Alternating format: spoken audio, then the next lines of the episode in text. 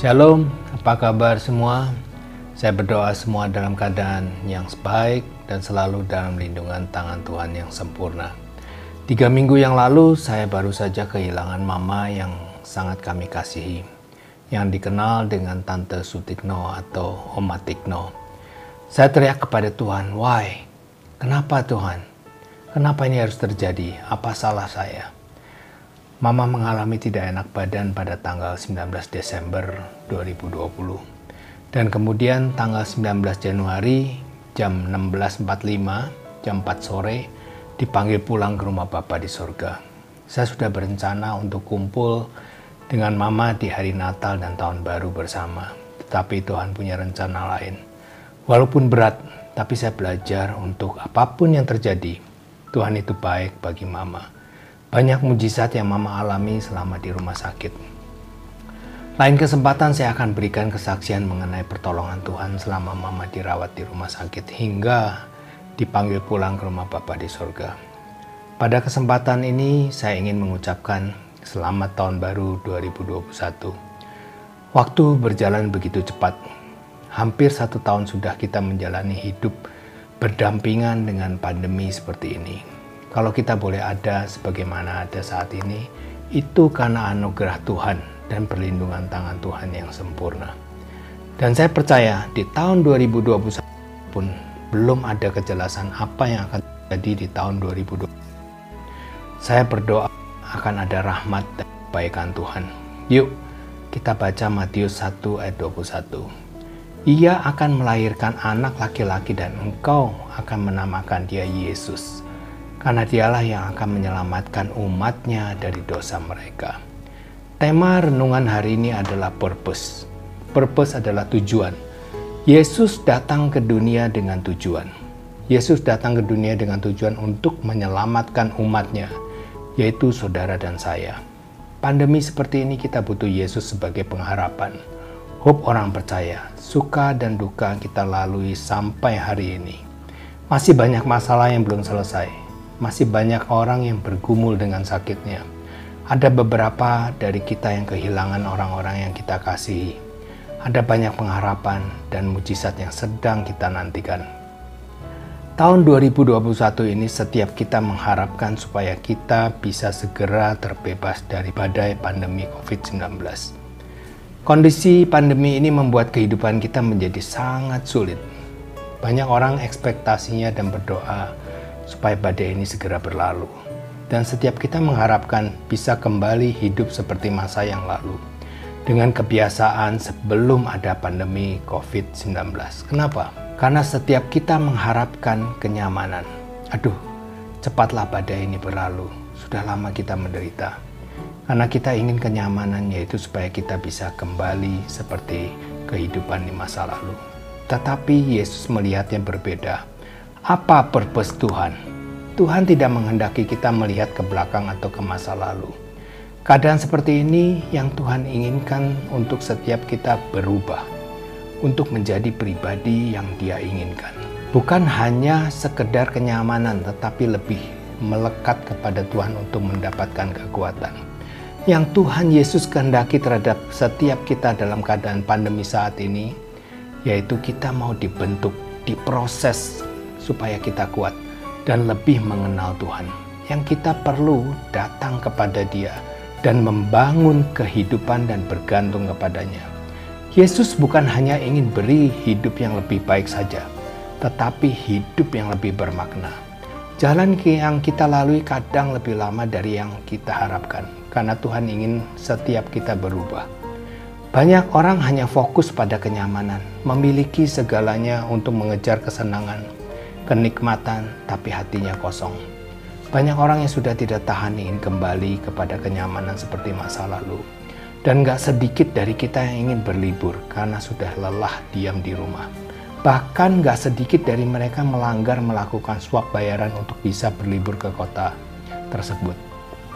Saya tanya ke beberapa orang, mau ke mana di hari Natal dan Tahun Baru?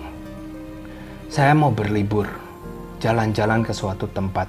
Saya katakan, Bukannya berbahaya dengan situasi seperti ini. Ada yang menjawab, saya kan punya iman.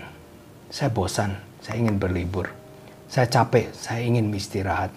Bahkan sebelum ada pandemi, nggak sedikit liburan akhir tahun dirayakan di tempat-tempat hiburan untuk bersenang-senang, berpesta pora, minum-minum.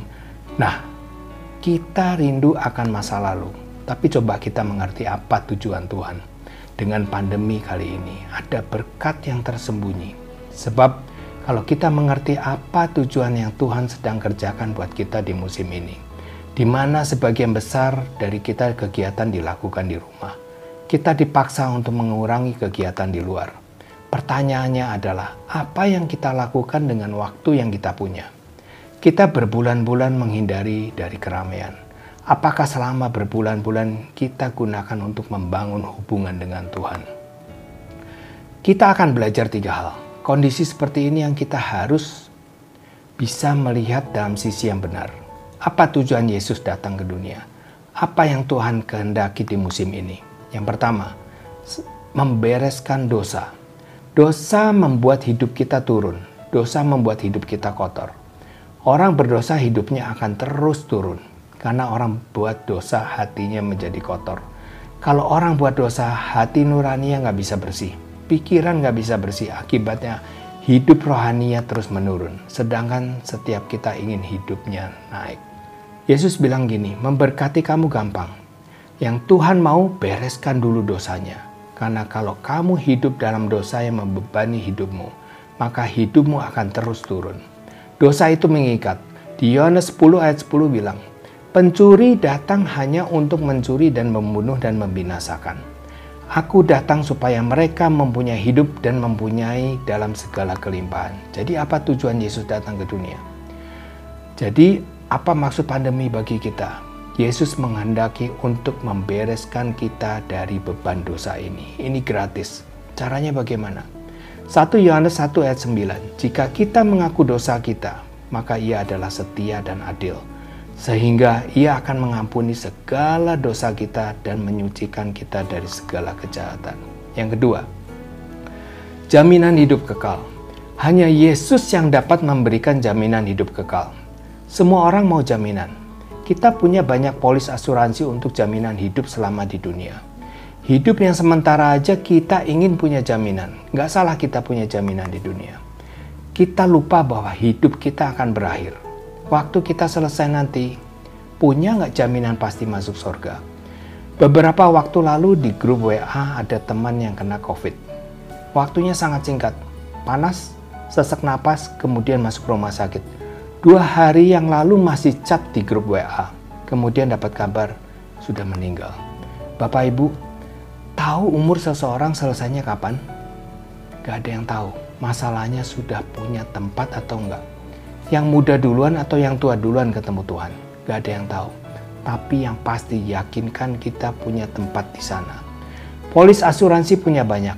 Masa jaminan di sana kita nggak punya? Caranya gimana? 1 Yohanes 5 ayat 11 sampai 12. Inilah kesaksian itu Allah telah mengaruniakan hidup yang kekal kepada kita. Dan hidup itu ada di dalam anaknya. Siapa? Yaitu Yesus. Ayat 12. Anak diganti dengan Yesus. Barang siapa memiliki Yesus, dia memiliki hidup. Barang siapa tidak memiliki Yesus, ia tidak memiliki hidup. Yang ketiga, membina hubungan kepada Tuhan gunanya untuk memiliki akses dengan Tuhan. Akses itu sangat perlu. Seorang pengusaha atau pebisnis selalu punya banyak relasi supaya punya akses ke mana-mana. Banyak akses supaya bisnis bisa lancar. Bagaimana pengusaha mempunyai banyak akses relasi atau hubungannya hebat-hebat supaya segala usahanya dibantu supaya sukses. Akses ke mana-mana aja punya semua kenal, tetapi akses atau relasi jangan cuma di dunia doang. Urusan akses di sorga nggak ada yang bisa bantu, cuma hanya melalui aku, yaitu Yesus. Kita baca di Yohanes 14 ayat 6. Kata Yesus kepadanya, Akulah jalan dan kebenaran dan hidup. Tidak ada seorang pun yang datang kepada Bapa kalau tidak melalui aku. Di dunia boleh punya banyak akses. Semua petinggi, pejabat, pengusaha semua kenal. Pertanyaannya, punya akses ke sorga nggak? Di dunia sibuk mengumpulkan harta, tapi kalau kita nggak punya akses ke surga itu buat apa harta itu? Kaya boleh, akses ke surga jangan lupa. Ayat terakhir Roma 8 ayat 15. Sebab kamu tidak menerima roh perbudakan yang membuat kamu menjadi takut lagi. Tetapi kamu telah menerima roh yang menjadikan kamu anak Allah. Oleh roh itu kita berseru, Ya Aba, Ya Bapa. Oleh roh itu kita berseru, Ya Aba, Ya Bapa. Yaitu saat kita mau undang Yesus sebagai Tuhan dan Juru Selamat. Kita diangkat jadi anak.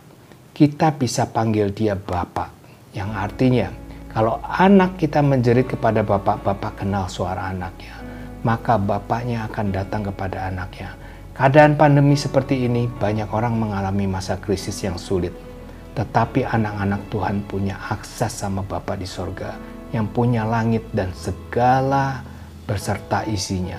Jadi pandemi ini Tuhan izinkan terjadi. Dan apa tujuan Yesus datang ke dunia? Yang pertama, bereskan dosa.